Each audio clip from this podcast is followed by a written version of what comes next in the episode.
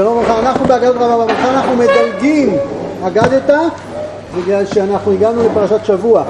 האגדה הבאה מדברת על הפרשה שנקרא שבת בעזרת השם, אז אה, דבר בעיתו מה טוב מכוח זה שעם ישראל קורא את הפרשה הזאת, אז יפתחו לנו שערים בעזרת השם נבין יותר טוב.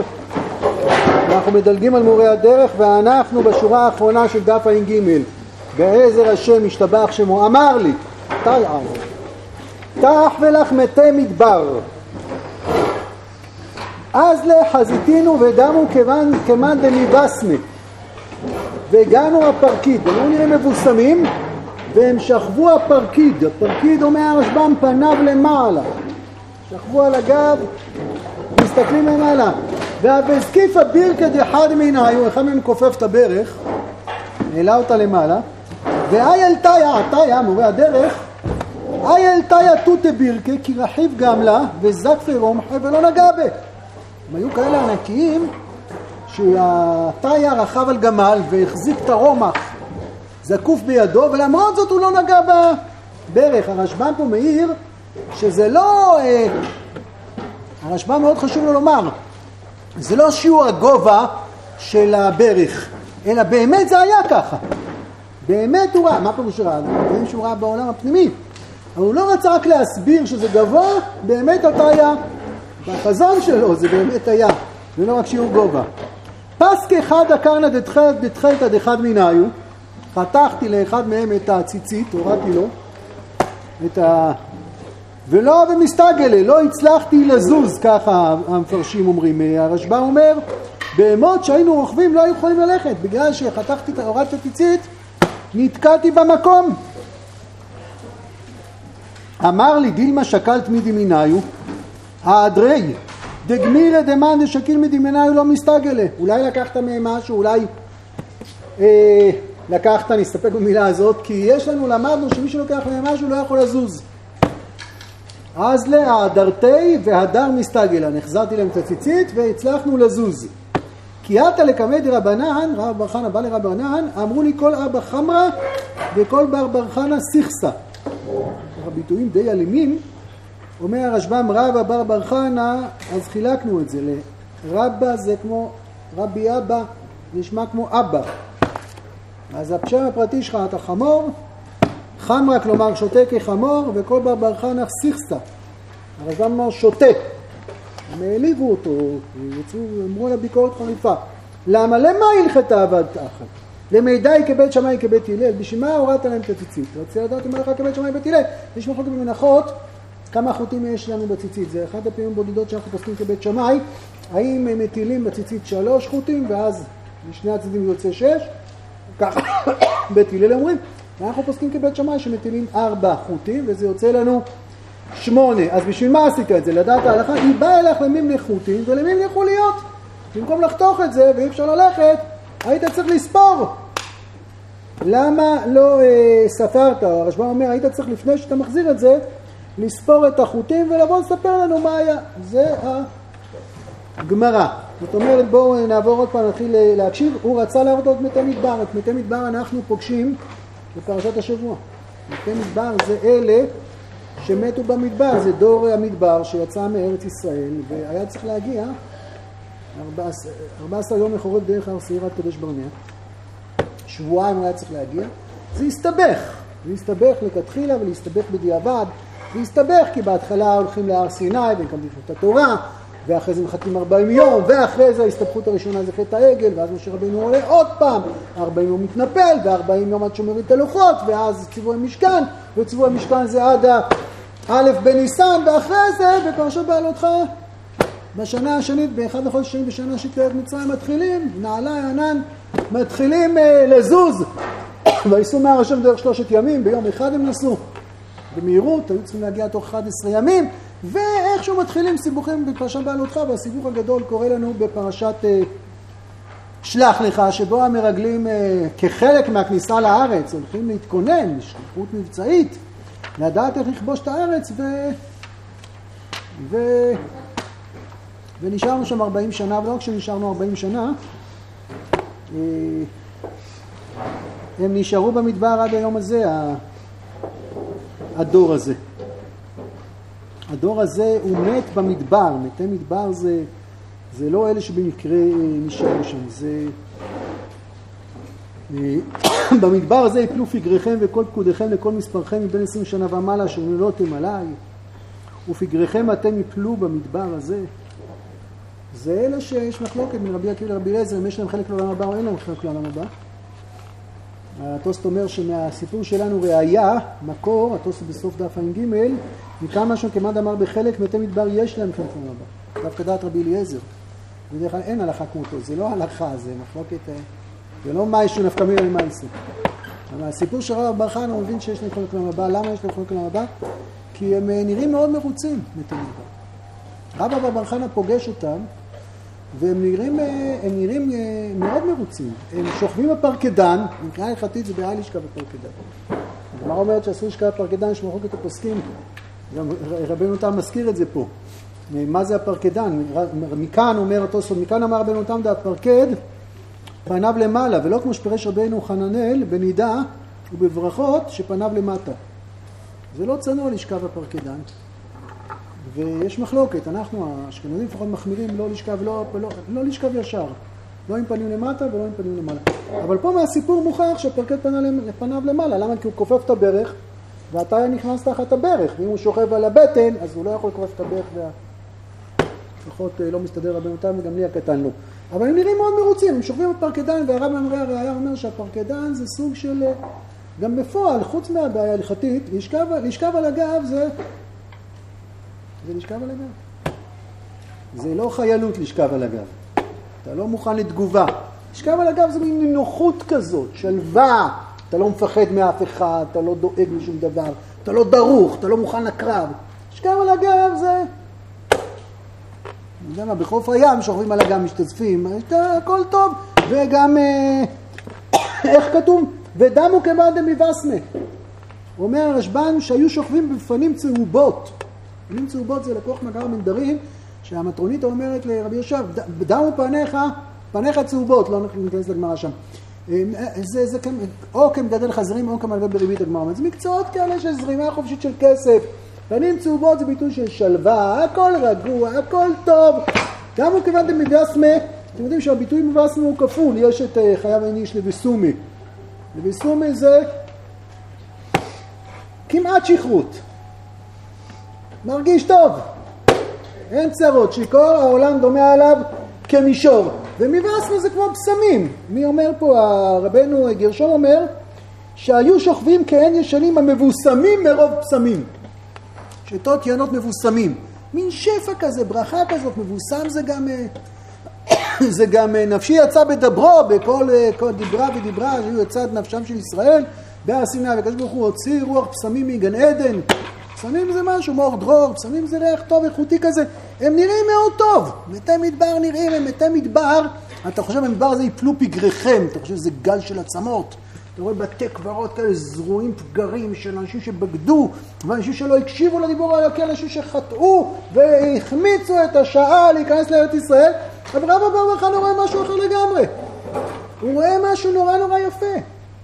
קודם כל בזווית שלהם ובגודל שלהם. הם ענקיים.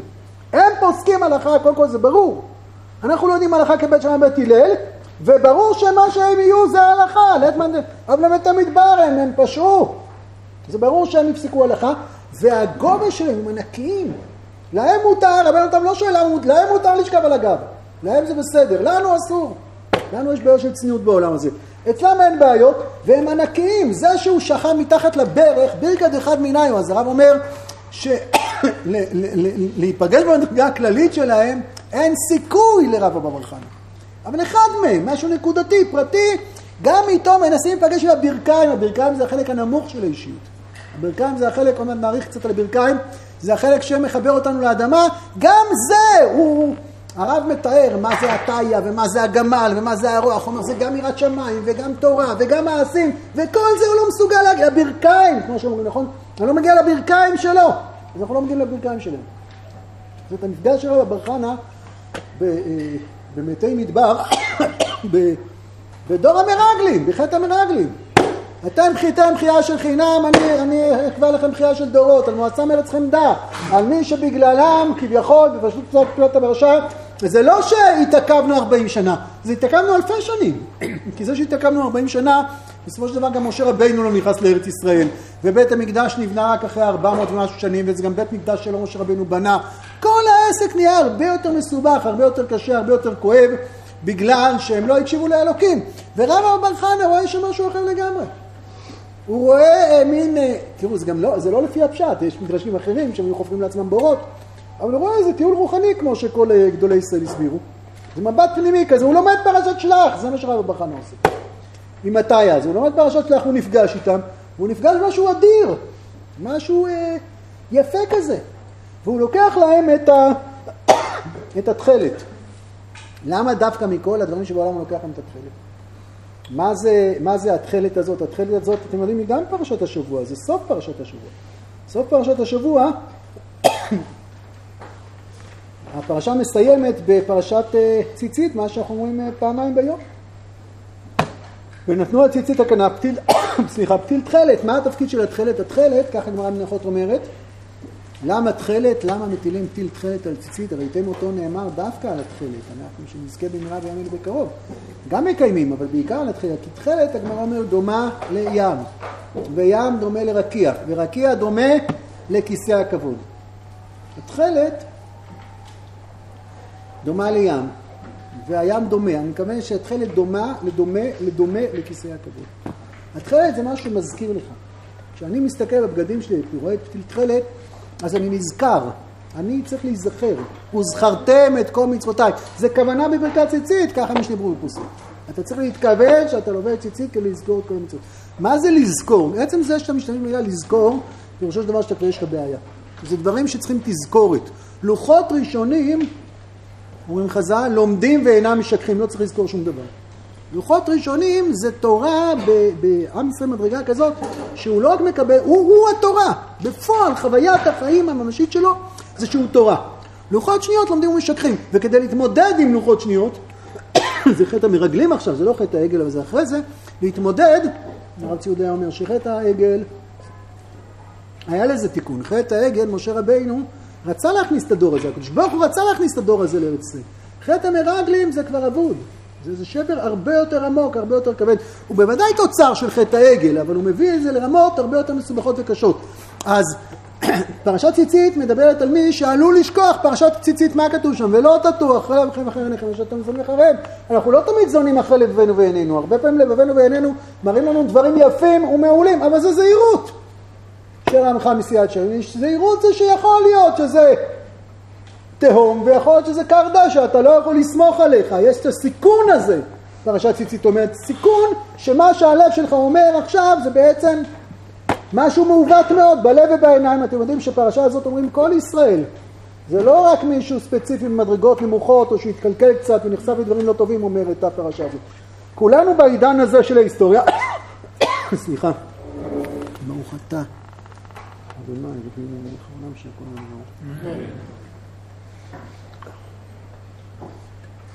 תודה. צריכים להיזכר ממקום של מרחק. מתי אתה צריך להיזכר? כשיש אה, פער, יש אופציה של שכחה. יש דברים שהם עצם חייך ולא, אין, אין, אתה לא יכול לזכור, כי אתה לא יכול לשכוח. אנחנו בעולם כזה שאפשר לשכוח, ואחד הפתרונות זה, זה הציצית. יש הרבה מה ללמוד על ציצית. אתה מסתכל בחוט חלק, והחוט חלק מזכיר לך, טיל חלק מזכיר לך. הוא לא מזכיר לך באופן ישיר את כיסא הכבוד. הפער ביני לבין כיסא הכבוד הוא ענק מדי, הוא גדול מדי. הוא קודם כל מזכיר לך את הים. והים, מה זה ים? ים ככה גואל אותך מההילכדות בסמטאות הקטנות של החיים. ים זה מרחבים. כשאדם רואה את הים, אז הוא נפתח, אז הוא משתחרר מלהיות uh, תקוע באיזה פתרון של בעיה ספציפית נקודתית. הוא נפגש עם מסה כזאת אינסופית, הוא רואה עד האופק, והים הזה פותח אותו עוד יותר, תהליך כזה אל הרקיע. הרקיע זה, זה, זה, אלוקים זה לא ברקיע, הרקיע זה האטמוספירה, נכון? זה אותו צבע, אתם יודעים שהים בצבע תכלת כי הוא בסך הכל מראה של uh, השמיים, אם השמיים כהים אז גם הים יהיה כהה. אין לו צבע, לים אין באמת צבע, הוא בתכלת גרד שהוא משקף. אז הים הזה מזכיר לך את השמיים, שמיים זה מרחבים הרבה יותר גדולים, והשמיים דומים, זה הכל דומה לדומה לדומה, וזה הרבה. משום שזה מזכיר לך, זה מחבר אותך, אתה זוכר את כיסא הכבוד, אתה זוכר שכיסא הכבוד משתקף בשמיים, באיזה מובן רוחני, והשמיים בים, והים בסופו של דבר מגיע עד אליך, יש משהו בתכלת שהוא טהור כזה, כי עצם השמיים לתואר. ואתה נפגש עם זה ביום יום שלך, בבגדים שלך, בחיים שלך, יש, אה, אה, הקדוש הוא נתן לנו מתנות, מתנות כאלה שמזכירות לנו, מחברות אותנו באמת אל מי שאנחנו באמת, משחררות אותנו מהסכנות שבתתו אחרי לכם ואחרי עיניכם, אשר אתם זונים אחרים. אז הוא לוקח מהם את התכלת, הוא לוקח מהם את התכלת, ומתי מדבר, שוב, הפרשה, הפרשה, היא מאוד, הפרשה היא מאוד קשה. בואו רגע נדבר על מתי מדבר לפני שהם מתו. אה, העונש שלהם, העונש שלהם זה מספר ימים שרתרתם את הארץ 40 יום יום לשנה יום לשנה תישאו את עבודתכם 40 שנה לידי תנועתו. העונש של, שלהם זה אני אדוני דיברתי אם לא זאת אעשה לכל העדה הרעה הזאת הנועדים עליי במדבר הזה יתמו ושם ימותו זה העונש שלהם. רק כשמסתכלים בפרשה אנחנו לא בטוחים, אני אגיד את זה בעדינות אנחנו לא בטוחים בכלל שזה עונש. יכול להיות שזה מה שהם רצו. איך שרב אבר בר חנה מתאר אותם, הם די מרוצים. הם די מרוצים. כשכלב ויהושע מנסים לומר להם טובה הארץ מאוד מאוד. מה כלב ויהושע בסך הכל? מה, הם דיברו נגד מישהו, הם פגעו במשהו? הם אומרים, אנחנו חושבים אחרת, טוב הארץ מאוד מאוד. אם חפץ בנו השם והביא אותנו לארץ הזאת, אך בהשם אל תמרודו, ויאמרו כל עדה לרקום אותם באבנים. מה קרה? למה כל עדה כועסים עליהם? מה שתי הברירות של דור המדבר? יש את דור המדבר, נניח שמאמינים למרגלים. יש להם ברירה אחת, להקשיב לכלב ויהושע ואז יהרגו אותם בארץ ישראל, נכון? נניח שבאמת, נניח. ויש להם ברירה אחרת להישאר במדבר. מה יקרה במדבר? אז הם לא ייכנסו לארץ ישראל. אז הם יהיו במדבר, הם רוצים להיות במדבר. ומה כלב ויהושע מאיימים עליהם? האיום הוא אתה יוצא מהמדבר, לא רוצים לצאת מהמדבר. דור המדבר זה דור שאוהב את המדבר. קוראים להם מתי מדבר. זה לא מתים במובן, זה, זה מתים חיים, יש בהם איזה חיות. הם נראים כאילו הם ישנים, הם מתים, אבל הם נראים חיים. יש הרבה דברים שהם יסוד לקנאה, שאנחנו יכולים לקנות במתי מדבר. הם נראים מאושרים. הם ממתי מדבר עד רבא בר חנה, אז לפחות 1,500 שנה עברו שם. כן, בטח, חנה הוא מהמוראים של ארץ ישראל, עברו 1,500 שנה לפחות, וטוב להם, 1,500 שנה יושבים במדבר, הם לא הרכיבו. טוב, אני לא מדבר במובן הפיזיולוגי. הם עד היום ישנים במדבר. ישנים במדבר, לפעמים מכוסים בחול, לפעמים לא מכוסים בחול. שוכבים על הגב, הכל בסדר, הכל רגוע. העולם מסתובבים, נכנסו לארץ ישראל, נהרס בית מקדש ראשון, חזרו, בית מקדש שני, צרות, הם שוכבים במדבר. והכל טוב, הכל טוב, שום דבר לא מטריד אותם. זה מה שהם רצו. הם רצו להישאר במדבר. למה הם רצו להישאר במדבר? כי הם לא רצו להיכנס לארץ ישראל. למה הם לא רצו להיכנס לארץ ישראל? בגלל שחזקו ממנו, בגלל שהעולם הזה, במדבר יפה, אתם יודעים, במדבר פסטורלי, סליחה שאני מדבר מילים כאלה, במדבר הכל יפה. חולות זהובים, דיונות, מה אין במדבר? אין לכלוך, אין טינופת, אין קנאה, אין שנאה, אין תחרות. מה יש במדבר? הכל טוב. מה עוד אין במדבר? אין חיים, נכון. אמרנו כבר, דיברנו על היסוד, נכון, שאיפה שיש חיים יש בעיות. אבל במדבר אין חיים. זה חיים כאלה שהם לא חיים, זה חיים מוקפאים כאלה. הם שוכבים במדבר, ועל מה הם, מי, ששוכב בפרקדן, הוא מסתכל על השמיים. מה הם רואים? אמר לי, אנחנו לומדים פה בחבורה, אמר לי אלישע חלמיש, אמר שהם כל הזמן מסתכלים על התכלת מתי מדבר. הם לא רוצים, הם לא סתם שוכבים במקרה, הם לא, הם לא מתים שזרקו אותם. הם רוצים לראות את השמיים, לא רוצים לראות שום דבר חוץ מהשמיים. הם רוצים לראות רק תכלת. הם אפילו לא רוצים משהו דומה לים, שדומה לשמיים. הם רוצים ישר שמיים. מה להם ולקטנות של החיים? הם רוצים טהרה. הם רוצים להישאר עם משה רבינו במדבר. משה רבינו לא רוצה להישאר איתם. הם רוצים משה רבינו. הם קיבלו את התורה, הם שמעו מפי הגבורה. מה הם עכשיו ילכו ישתח את גפנו ותנתו? מה זה מעניין אותם? באמת חזק הוא ממנו, אחד שאומר כביכול בעל הבית לא יכול להוציא משם כליו. הם רוצים קדושה. הם מבקשים קדושה. ואם מבקשים קדושה, אז הם רוצים להישאר במדבר. הם מוכנים לשלם כל מחיר על. הם מוכנים לוותר על החיים. אבל אל תחשוב שהם מתים, המתים האלה הם בעיניים של רב אבו חנה, שהוא משתף אותנו ביחד איתו. בעיניים של רב אבו חנה יש שם איזה עושר עילאי. בחלק לעולם הבא, ככה תוספות אצלנו מבין. רב אבו חנה רואה את השייכות שם לעולם הבא. הם שוכבים שם במדבר, ומי אנחנו לידם בכלל? אנחנו כאלה קטנים. אנחנו נרכב על גמל ותרום מחכלי הלחימה שלנו וננסה לטפס על כל מה שבינינו, לא מתחילים לגרד להם את הברכיים בכלל. מה זה הברכיים? חשבנו, ברכיים, ברכיים זה בשביל להתכופף. נכון איפה שחיים מזכיר שאנחנו קוראים בברוך. מה אומרת שאנחנו קוראים בברוך? כשקורא הקורא ברוך, זוקף זוקף בשם. אתה מכופף את הברכיים, יש מחלוקות בראשונים מה זה קורה, אבל ככה נפסק להלכה, אתה מכופף את הברכיים. בשביל להגיד ברוך אתה צריך לדעת להתכופף. אי אפשר להגיד ברוך בלי להתכופף. אתה מכופף את הברכיים. הברכיים הן אה, מכאיבות לנו, זאת אומרת, הן לא מכאיבות לנו, הם, לא כולם רוצים להתכופף, אנחנו לא אוהבים להתכופף, אוהבים להישאר ישר, זקופים, בקומה זקופה, לא אתכם קוממיות. אבל ככה הקדוש ברוך הוא ברא אותנו, בלי ברכיים אתה לא יכול להתכופף, ובלי להתכופף אתה לא יכול לזוז. אם,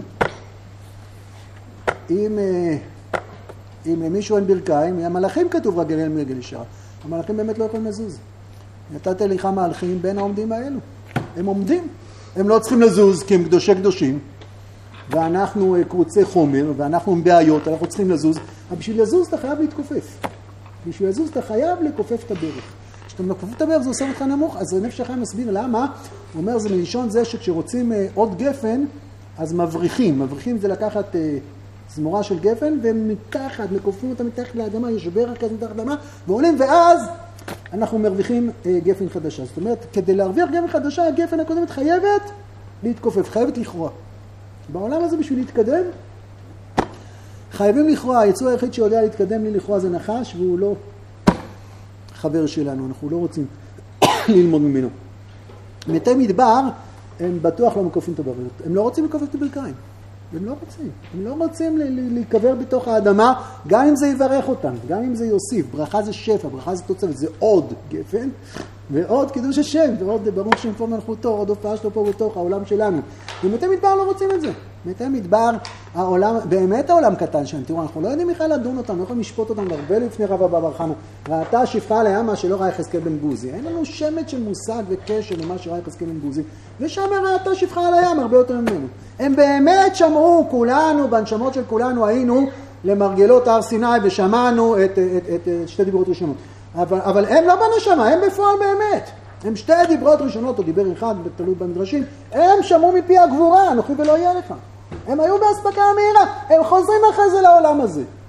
למה שהעולם הזה יעניין אותם? כן, העולם הזה יעניין אותם, כי הקדוש ברוך הוא רוצה לגלות מלכותו בעולם הזה, וכל התורה נועדה כדי שנגיע לארץ ישראל. אבל מה המחיר? זה דור כזה, זה לא, אתם רואים, לא כשל נקודתי. בשביל לא ליפול בחטא הזה, גם יהושע וכלב היו הולכים ליפול בחטא הזה. זה, זה אסור לנו לזלזל בזה, יהושע וכלב, הייתה להם סייעתא דשמיא מאוחדת. כלב בא לפה לחברון. ויבוא אותו, למה כלב בא לחברון? כי הוא, אם הוא לא היה בא לחברון, הוא היה מרגיש שהוא נופל. הוא היה חייב לשאוב כוח ממערת המכפלה, הוא היה חייב להיזכר באברהם, יצחק, יעקב, שרה, רבקה, רחל ולאה, למרות שרחל עוד לא הגיעה לפה. הוא, הוא הרגיש שכלב עם כל הקודל שלו ועם כל העזות שלו ועם כל הרוממות שלו, הוא חושב שהם צודקים, וגם יהושע, נכון, משה רבנו נתן לו מתנה מיוחדת, את היוד של שרי, שמר לו כוח, גם כן מחברון, גם שרי מחברון. הם היו צריכים לקחת איזה כוח מיוחד כדי לעמוד נגד הצד מרגלים. כי בשביל שלהיכנס לארץ זה באמת מסובך מאוד. המרגלים צדקו, אתם יודעים שהם צדקו. כל מה שהמרגלים אמרו, הכל נהיה. עם ישראל נכנס לארץ ישראל, כל מי שיקרא את ספר שופטים, יראה עבודה זרה, ועבודה זרה, ועבודה זרה, ועבודה זרה, מאות שנים. מדי פעם לקינוח מלחמות אחים. בסוף הם לא צדקו. בסוף אין פה תהליך של, של אה, אה, התרחקות, יש פה תהליך מסובך מאוד, כואב מאוד, אבל התהליך הזה מצמיח את דוד, מצמיח את שאול, מצמיח את שאול, מצמיח את בית המקדש. אבל התהליך כולו, הם אה, באמת היו בעיות, הם אנשים, כולם אנשים ראשי בני ישראל המה בדור מדבר. מה, מה נגיד ומה נאמר?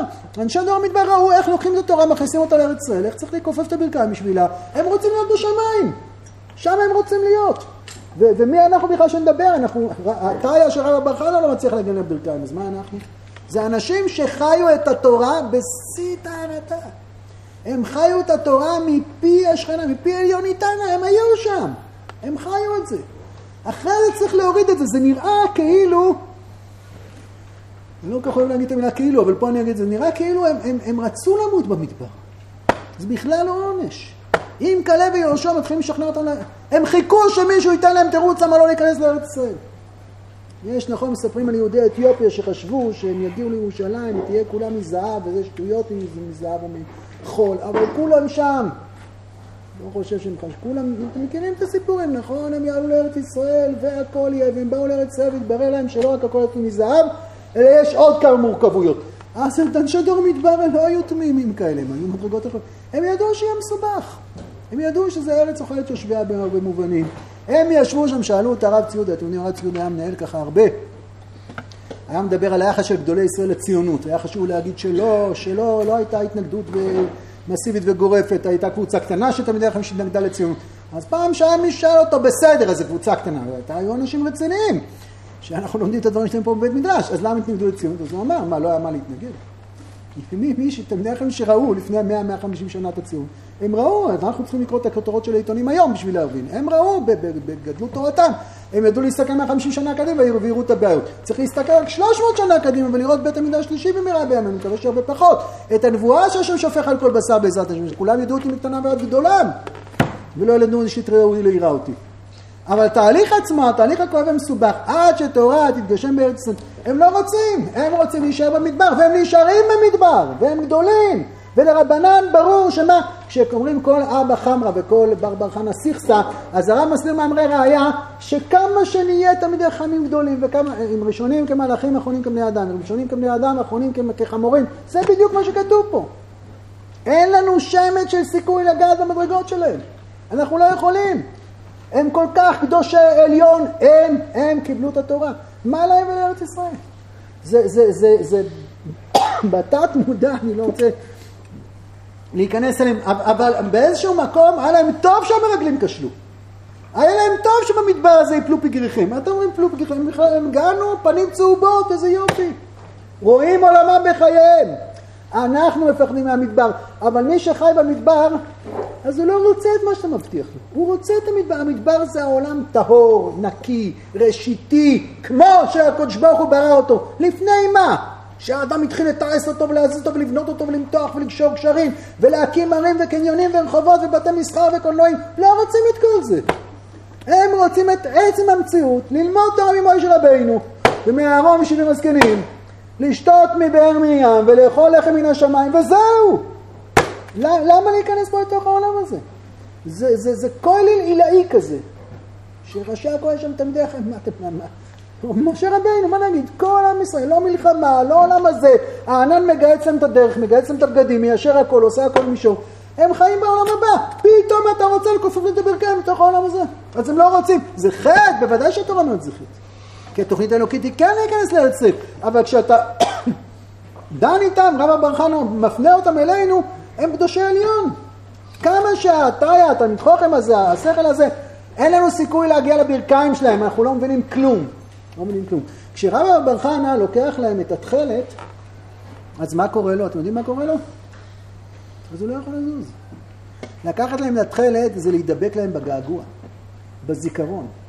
כשרבא בר חנה פוגש אותם, וגם אנחנו אולי יכולים קצת בעזרת השם לפגוש אותם דרך רבא בר חנה בגמרא פה, אז הוא רוצה להיות גם, הוא גם רוצה להיות מתי מדבר, אז הוא לא יכול לזוז.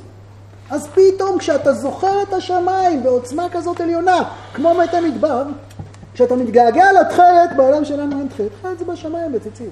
העולם שלנו מלא חום ואדום ושחור ואפור וכל מיני צבעים, ולהפך, הצבעים היותר בוהקים הם עוד פחות מושכים את ליבנו. הוא רוצה תכלת, תכלת זה מלשון הכללה, נכון? כמו ויחולו השמיים, זו מילה כזו מלכותית כזאת, זה הכל טהור, הכל הכל הכל טהור, כעצם השמיים לתואר. זה מה שאתה אומר, אם אתה לוקח להם את התכלת, אם אתה דבק להם בתכלת, אז אתה לא יכול לזוז. אבוד לך. מה אחרי זה תתחיל לטפל בפרויקט הזה ולקדם את המשימה, הכל נראה קטן, הכל נראה קטן. ורבא בר חנה, יש פה איזה לימוד זכות גדול מאוד על מתי מדבר. הוא לא חולק כמו משה רבינו, הוא לא חושב ש... הקדוש ברוך הוא לא רצה, זה הבטחה אלוקית לאברהם, ודור רביעי ישובו הנה. בוודאי, העולם נברא בשביל להקים את בית המקדש. העולם, בית המקדש קדם לעולם, בוודאי שמלכות ישראל יסוד כיסא השם בעולם. אבל יש איזו קבוצה כזאת, דור כזה, ולמתי מדבר יכול להיות שיש תלמידים נאמנים בכל דור ודור. שאולי לוקחים להם את הציצית ורוצים להיות שם, אולי יש בחינה אחת, אולי בליבו, בליבו של כל אחד מאיתנו יש איזה מתי מדבר כאלה. יש איזה מקום כזה, הלוואי שנצליח לגעת, רב אבו בחנה הצליח לגעת במקום הזה. אנחנו לא צריכים להיות שם, צריכים לזכור. אנשים שאולי בזכותם, אה, אולי בזכותם אנחנו יכולים אחרי זה לרדת למטה. אתם שמתי מדבר, הם אה, שמעו שנגזרה עליהם הגזרה למות במדבר, ובעצם הם מבינים שהכל אבוד. הם עכשיו נשארים עוד 40 שנה, או 39, או 38 במדבר, וזה לא שווה כלום, אין להם לאן לנסוע. הענן יוביל אותם לפה, הענן יוביל אותם לשם, הם יודעים שהם מה? מתפרפרים בשטח. נגזר עליהם שהם כולם ימותו. נגזר עליהם. והם, כשאין תקווה ואין לאן לזוז, והם מבינים שהם חטאו, ויש, אה, נסתלק הדיבורים עם משה, נכון? עד אה, שקלו מתי מדבר. בט"ו באב של השנה 40, יש אה, כמה דעות בחז"ל, סליחה. וכשאתה אומר לאנשים שהכל אבוד והכל חסר תקווה ולא ישתנה ונגזרה גזירה, אתה מצפה מהם להגיב כמו בני אדם, המתי מדבר לא נשברו. מתי מדבר, לפני שהם מתו, אני מדבר על אלה ש... הם ידעו שהם צועדים לקראת מותם, הם... אה, תהרוג אותם עכשיו וגמרנו, אבל צריך אותם. ארבעים שנה אלה מקיימים את עם ישראל במסירות נפש אדירה, הם אלה שלומדים את התורה של משה רבינו, הם אלה שמעבירים את התורה הזאת לדור הבא, והתורה הזאת הם יודעים שהם ימותו, הם יודעים שחרה אף השם בהם, כמו שהפסוקים אומרים אה, בצורה קשה, והם, והם עושים את התפקיד שלהם, הם לא בורחים מאחריות ולא מתמרדים, הם, הם, הם, הם במדבר, הם עד היום, במובנים מסוימים עד היום במדבר. הם שוכבים, הכל שלווה, הם לא מאוימים מהעולם הזה, הם מתנתקים מהעולם הזה, הם מתעלמים מהבעיות של העולם הזה, הם יכולים להיות תלמידיהם בארץ ישראל, אבל הם רוצים להיות במדבר, הם לא רוצים, אפילו את הברכיים שלהם, שהתפקיד של הברכיים זה להתכופף אל הארץ, אם מישהו שם מכופף את הברך זה רק להיות יותר גבוה. שוכב על הגב, אתה מכופף את הברך, אתה לא, לא הולך לשום מקום, אתה רק מרים את עצמך, ואפילו הברכיים שלהם עובדות לא נכון, מבחינתנו. אבל הם מאושרים, בושם. מבוסמים. הם מאוסמים קצת שיכורים, ששיכור דומה, עליהם כעול, דומה, העולם, דומה עליו העולם כמישור, כי ייתן בכוס עינו את ישרים, מה שהגמר אומר. אבל, אבל הם די, שיכור העולם דומה עליו כמישור, כי העולם לא כך מעניין אותו, כי הוא לא חי את העולם, הוא חי את הרגשות שלו, את הדמיונות שלו, הוא לא חודר בצורה ריאלית, הם לא רוצים להיות שם, זה כמו שיכור, זה לא שיכור. הם דמו כמבסמים, פנים צהובות. ורב בר חנה רואה אותם והם ענקים, זה לא פנטזיה ילדותית, הם באמת זוכים לפסגות רוחניות עילאיות, רק הם לא בעולם הזה, הם לא בעולם הזה. ומדברי רב בר חנה משהו שאשרינו אולי שיש כאלה אנשים. אני לא יכול להגיד, אני לא יכול לתת לגיטימציה לאווירה באווירה שהייתה שלהם, אבל ככה, ככה, ככה טוס לומד מפה מהסיפור הזה, יש לנו חלק מהבא, יש פה משהו אמיתי. אחרי זה בהמשך של רב רב בר חנה על גלויי כוח, יש בה משהו, גרעין אמיתי שצריך להוציא אותו. וכשאתה לוקח להם את התכלת, אז גם אתה שם. זה עולם כל כך יפה העולם הזה של התכלת. המבט הזה שמביט רק לשמיים, מתג... הם עסוקים בלהתגעגע. ומי שעסוק בלהתגעגע, אנחנו, יש לנו קצת, קצת, מעט שבמעט. אנחנו את התכלת הזאת, יש לנו, הם לא צריכים בגדים בכלל. הם לא, הם, הם כמעט בגן עדן נקרא לזה ככה. הם אפילו לא צריכים בגן עדן. פעם קראתי הרבי מלובביץ' באיזשהו מקום, אומר ש... רבי עקיבא אומר שדור המדבר אין להם חלק לעם הבא, שהמרגלים אין להם חלק לעם הבא, אז, אז הוא אמר, הם ידעו שאין להם חלק לעם הבא, אבל זה לא מעניין אותם, הם ידעו שזה רצון השם, ולכן הם מסרו את הנפש, מסרו את העולם הזה, מסרו את העולם הבא. טוב, זה קצת מורכב, אם זה רצון השם אז כן, יש לך עולם הבא, אבל את הרעיון רציתי להגיד. הרעיון הוא שלמען דבר השם אנחנו מוכנים לשלם כל מחיר, וזה מה שדור המדבר רצו לעשות. דור המדבר רצו להיות שמה, רצו להיות שמה, וזה אולי קבלת התורה. אולי בכל קבלת התורה, אתם יודעים, משה רבינו, משה רבינו, אה, עליו לא נגזרה גזירה. משה רבינו רצה להיכנס לארץ ישראל, ויתחנן אל השם, תוסף דבר אליי עוד בדבר הזה, כל שקיקת חייו הייתה להיכנס לארץ ישראל. אבל, אבל בשנה ה-40, כמעט בשניות האחרונות, הוא החזיק עמדה 40 שנה, בניסן שנה 40 אחותו, פתאום הוא מי מריבה, מה, כל השיטות מה שם מי מריבה, ופתאום משה רבנו נכנס לארץ ישראל, זה לא נכון, זה לא פתאום. כי בפרשת פעלותך קראנו, של דד ומדן מדמים המחנה, מה מתנבאים? משה מת ויהושע מכניס לארץ. אז זה בגניזו, זה בסתר, זה, זה תהליכים פנימיים. משה רבינו לא נכנס לארץ ישראל. זה לא איזה תאונה פוקסית במקרה, איזה פשלה, במקום חבל, הייתי שם, הייתי אומר משה רבינו, משה תדבר עם הסלע. זה לא עובד ככה. יש פה איזה משהו בחינית, מהותית בקבלת התורה, שבשביל לקבל את התורה בגדול אתה במדבר. לא ניתנה תורה אלא לדור המדבר, לא ניתנה תורה לאוכלי המן. בשביל להיפגש עם משה רבנו באופן ענקי כזה, משה רבנו ייכנס לארץ ישראל, גם אנחנו רוצים להיכנס לארץ ישראל, כן. אבל יש משהו נכון, מסובך מאוד. משהו שהם ימותו פיגרים במדבר, משהו שהגאולה תתעכב המון המון המון, וכל ויש בזה משהו שווה את זה. משהו פנימי, זה, זה, זה מדרש סודי. לרב אבא בר חנה יש אומץ להגיד את זה, לי, אני לא יכול לתת לגיטימציה לבעיות. יש בה איזו גדלות, ברור שהמדרש הזה מלא בהערכה אינסופית כזאת לאנשים האלה. ואנחנו משתוקקים לדעת, חשבתי שאולי בגלל זה פוסקים כמו בבית שמאי, למה פוסקים כמו בית שמאי ולא בית הלל? כי, כי ככה רגילים להגיד, נכון? יש מקורות כאלה של עתיד לבוא יפסקו, או כמו בית שמאי, אני לא יודע מה המקור לזה. שמעתי את זה הרבה פעמים מאנשים גדולים מאוד. אבל, אבל, אבל בית שמאי זה, זה, זה, זה המגמה, המגמה העתידית.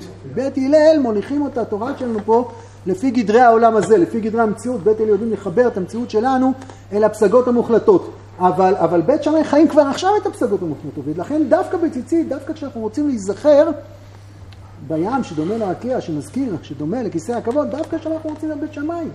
בזיכרונות האלה שלנו. אז הלכה היא כמו משה רבינו.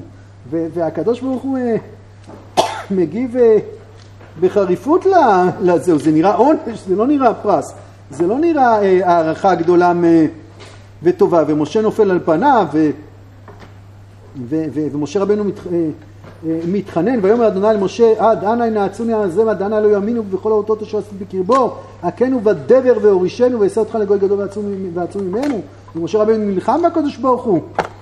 ואומר את, את י"ג אה, מידות, משתמש בהם, אבל האנשים האלה ימותו. אז ברור שזה עבירה, ברור שזה חטא, ברור שזה עוון, אבל מאיפה בא העוון הזה? זה לא בא ממקום כזה קטן של אנשים פחדנים, של אנשים שאין להם כוח.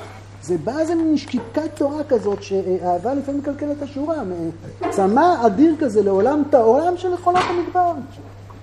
הכל יפהפה, הכל נקי, אתה לא כבול לשום דבר, אתה לא משועבד לשום דבר. אתה רק מסתכל על השמיים, הכל שוכב בשקט, בשלווה, רק רוצה שהשמיים יפתחו עוד ותשמע כל החיים שלך את אנוכי השם אלוקיך. אבל מי שנמצא, מי שנמצא שם לא יכול לזוז, הם באמת לא זזים. הם מתים חיים, מתים במדבר. והקדוש ברוך הוא רוצה שנזוז. הקדוש ברוך הוא נתן לנו ברכיים, ואת התורה הזאת חייבים להכניס לארץ ישראל, ואנחנו מכניסים לארץ ישראל, והכניסה לארץ ישראל היא כניסה שמסבכת אותנו. שמעתם על זה כמה פעמים. וכניסה שיוצרת המון מורכבויות, וזה לא חולות נודדים, וזה לא חולות זהובים, ולא הכל נקי שם. כשנכנסים לארץ ישראל נכנסים לתוך חדרי החיים, סליחה, וסיבוכיהם, ומשבריהם, וסרחוניהם, לא תמיד יש בושם, אפילו זה לצערנו. ודווקא מתוך זה תצמח התורה, אבל התורה לא סתם ניתנה במדבר. התורה ניתנה במדבר, ותורת משה, זה כמו שמשה פירש מן האישה בסוף הפרשה הקודמת למדנו. זה לא, אה, אה, אה, זה, זה, זה פרישה, אם משה פירש מן האישה, אז בכולנו יש בחינה, בכל מי שלומד תורה יש איזו בחינה של פרישה מהעולם הזה, יש איזה יסוד, איזה גודל כזה ושיטי כזה, שרק מתוך הפרישה הזאת, אחרי זה, בזכות החולמים האלה, הם חולמים, יש חולמים כאלה בעולם. מתי מדבר זה חולמים כאלה שהם טועים, לפעמים טעויות קשות מאוד, בהולכה שלהם את הדברים. ולפעמים משלמים על זה מחירים כבדים, מדבר השם ישלמו על זה מחירים כבדים. אבל החולמים האלה, החולמים המשוחררים נקרא לזה ככה, מכל איזה זיקה, הם לא מסתכלים עליי, הם לא מסתכלים ימינה ושמאלה, הם לא רואים כלום. הם לא רואים כלום לא כי הם עיוורים, כי הם רואים את השמיים. הם רואים רק צוות חלק, מסתכלים בעיניים. תראה רק חטא, אבל העיניים שלהם כל כך נשגבות שאף אחד לא הצליח להגיע, להגיע לעיניים שלהם. הוא הצליח רק מהבגדים שלהם, מה שמכסה אותם, את ה... את זה לקחת. ומה שהם אה, מבקשים ממנו, חז"ל, זה, שוב, זה לא עלבון אישי לרב אבא בר חנה, זה כל מדרגת, מדרגת האמוראים, איפה, איפה אנחנו בכלל אה, ביחס למה שיש. אנחנו עומדים מולם ומסתכלים על החטא הזה, מבינים שאם החטא הזה עיכב את הגאולה, או עיכב את הגאולה השלמה אלפי שנים, פירושו של דבר זה לא תאונת עבודה קלה שהמגלים האלה חבל שהם אמרו ככה, להפך, זה נס שיהושע וכלב לא אמרו ככה, זה מה שחז"ל מתארים, זה, זה ברכה מיוחדת של משה ליהושע ותמיכה מיוחדת של כלב מהאבות והאימהות מישני חברון. זה, זה דרך ארוכה שאתה מקבל את התורה, וממתי שאתה מקבל את התורה עד מתי שאתה בונה את מלכות התורה, עד מתי שאתה בונה במדינת ישראל באופן שלם ועליון, זה דרך של אלפי שנים, נכון. זה דרך של אלפי שנים. זה דרך של אלפי שנים. אם, אם, אם, אם כולם היו כלב ויהושע, אם העדה הייתה מתרוממת, אתה, אתה רואה איך העדה הגיבה כאיש אחד. גם, גם כלב, נכון, כי בשביל להגיד דברים טובים, אז הוא צריך להיות מתוחכם, הוא צריך uh, לד... לדבר, כמו שרש"י מזכיר, נכון? הוא צריך לדבר בצורה כזאת שיקשיבו אליהם, שהוא ויעש כלב את העם אל משה, יעש כלב אל משה, את העם אל משה, הוא אמר מה זה הדבר היחיד? לשמוע מה שדבר משה, צבח ואמר וכי זו בלבד עשנו בן עמרם, השומע היה סבור שבא לספר בגנותו ומתוך שהיה בליבם על משה בשביל דברי המרגלים שתקו כולם לשמוע גנותו אמר והלא קרא לנו את הים והוריד לו את המל והגיז לנו את הסלב מה יהושע אומר? עלו נעלה וירשנו אותה. מה זה עלו ונעלה אפילו אם זה בשמיים ניקח סולמות ונעלה אותה. נכון כמו שכתוב בסוד דברים. לא בשמיים היא ולא מעבר לים לא בשמיים אומרים מי יעלה לנו שמיים ויקחה לנו ושמענו אותה ונעשה ולא מעבר לים היא לומר מי יעבור לנו מעבר לים ויקחה לנו ושמענו אותה ונעשה. הפשט של הפסוק שגם אם היא הייתה בשמיים וגם היינו עושים את זה אז התורה היא הרבה יותר גבוהה מהשמיים. ובשמות התורה עם ישראל עשה הרבה הרבה הרבה יותר מאשר לעלות לשמיים. והמשימה הזאת להילחם בכוחות של ארץ כנען, להצליח להחיות את הקודש, היא לא משימה ילדותית, שאתה יאללה בוא נקדש את החוק. זו משימה נוראית, מלאת כאב, מלחמה, שיש בה הרבה נפגעים ומורכבויות, והיא דורשת מאיתנו, אה, אה, יש חטאים כאלה, כמו חטא העגל. שהגמרא ברכות אומרת, לא היו ישראל ראויים לאותו, לאותו חטא. ולמה חטאו? למד תשובה לרבים. יש סוגיות כאלה שהן על הגבול, אני מתכוון סוגיית הבחירה החופשית, היא על הגבול. סוגיות כאלה שהן לא נפקא מן המעשה. נפקא מן המעשה ודאי שיש לנו בחירה חופשית מלאה ואחריות טוטאלית על כל ההתנהגות שלנו, ואנחנו לא יכולים להשליך את זה לאף אחד. אבל מצבים כאלה שכלל ישראל, שכלל ישראל, אז הגמרא אומרת על חטא העגל, חטא מרגלים אני לא זוכר, שזה מין גזרה אלוקית, כמו האדם אה, בגן עדן. במקרה הוא לא היה שם, נכון? במקרה אדם לא היה וחווה שם את הנחש, אם אדם היה חוזר מהעבודה חמש דקות קודם. זה ביטויים לדרך הארוכה הזאת שעם ישראל צריך לעבור. הדרך הארוכה שעם ישראל צריך לעבור זה לא בגלל קטנותנו, זה בגלל שבאמת, קודם כל וראשית לכל, איזה מאמץ כביר. עם כל אהבתנו העזה לארץ ישראל, תיקון עולם בפועל מצום מחוץ שדה, אנחנו רוצים, מתגעגעים למדבר. יש בנו איזה געגוע פנימי למדבר, ואנחנו צריכים שיהיו בתוכנו אנשים כאלה שמתגעגעים למדבר, אנשים שמסתכלים רק לשמיים, אנשים שכן, שהם לא מתכופפים. נכון שבלי לכופף את הברך אי אפשר לברך, נכון. בלי לכרוע אין ברוך, נכון. אי אפשר להמשיך את הגפן ולהצליח ממנה עוד פירות, נכון. אי אפשר לגדל את הנוחות האלוקית בעולם, נכון. אז אנחנו נעשה את זה, ברור. לשם הכל צועד. אבל זה מתחיל מהמקום הזה שיש מתי מדבר שהם ענקיים ענקיים, ואנחנו רוצים, מאוד רוצים, התיקון לחטא המרגלים זה לא אם אני הייתי שם, הייתי ביחד עם כלב ויהושע. כשאני רואה פסוקים כאלה, אני אומר שסטטיסטית כנראה לא הייתי עם כלב ויהושע, חס וחלילה. לצערי הרב, ככה זה יוצא, אם רק הם היו מתוך, אה, מתוך כל מה שהיה שם. ויש בזה משהו טהור, זה לא משהו גמדי. זה משהו אמיתי כזה. אני חושב שגם אה, גם ישיבה זה סוג של מדבר. גם ישיבה, יש לנו פה תקרה, לא כך רואים את השמיים, אנחנו לא מדברים על ראייה ויזואלית. גם בישיבה יש איזה נכון, אדם כי ימית עצמו באוהל. אז יש כאלה שאומרים אה, שמי שהולך לצבא ומת, הוא לא חוזר הביתה. מי שהולך לישיבה ומת, כן חוזר הביתה. זו בדיחה מאוד מצחיקה, אבל, אה, אבל זה מוות שלפעמים הוא יותר קשה ממוות אחר. זה מוות שאתה לא בטוח שצריך לעשות אותו, ואתה לא יודע אם הוא לא הורג בתוכך כוחות חיים שהם אה, קדושים ונישאים ומתבקשים. זה... לא כל מי שהולך לצבא מת ברוך השם, משתבח שמו, שישמור לנו על כולם, חוזרים הביתה, אבל המוכנות הזאת. יש במשהו שמי שנכנס להעמיד עצמו על האור של תורה זה מסירות הרבה יותר עליונה, מסירות כזאת שגם אה, גם אולי בסוף ייגזר עלינו למות, יש כזה חשש, כמו מתי מדבר, שמרוב שנכנסתי ואני רואה רק את השמיים, אה, גם זה חלק מהגול, זה מה שמכניס אותנו לארץ ישראל, זה דרך ארוכה, זה אלפי שנים, זה מסובך, נכון, אבל בשביל שמשה רבינו ייכנס משה רבינו בשיא טהרתו, בשיא נקיותו, משה רבינו עם הטהרה של המדבר, עם הגעגועים האינסופיים לשמיים, כדי שזה ייכנס לארץ ישראל, כדי שהכניסה לארץ ישראל לא תהיה פה התפשרות כהוא זה על שאיפת הקודש והתיקון המוחלט, שמעמד הר סיני יהיה עצם מדינת ישראל, לא יהיה שום פער ביניהם. אז בגלל זה אנחנו צריכים את מתי המדבר האלה, צריכים את אותם ש... מסתובבים שם אנשים, הם לא רואים אותם, הם לא שומעים אותם. הם שם למעלה, כאילו תלושים. והתלושים האלה, ובכל דור ודור כנראה צריכים שיהיו אנשים כאלה שהם מזכירים לנו למה אנחנו עושים את כל המפעל, מאיפה הכל בא ולאן הכל צועד. ונזכר שיתקדש שמו בעזרת השם. שבת שלום ומבורך.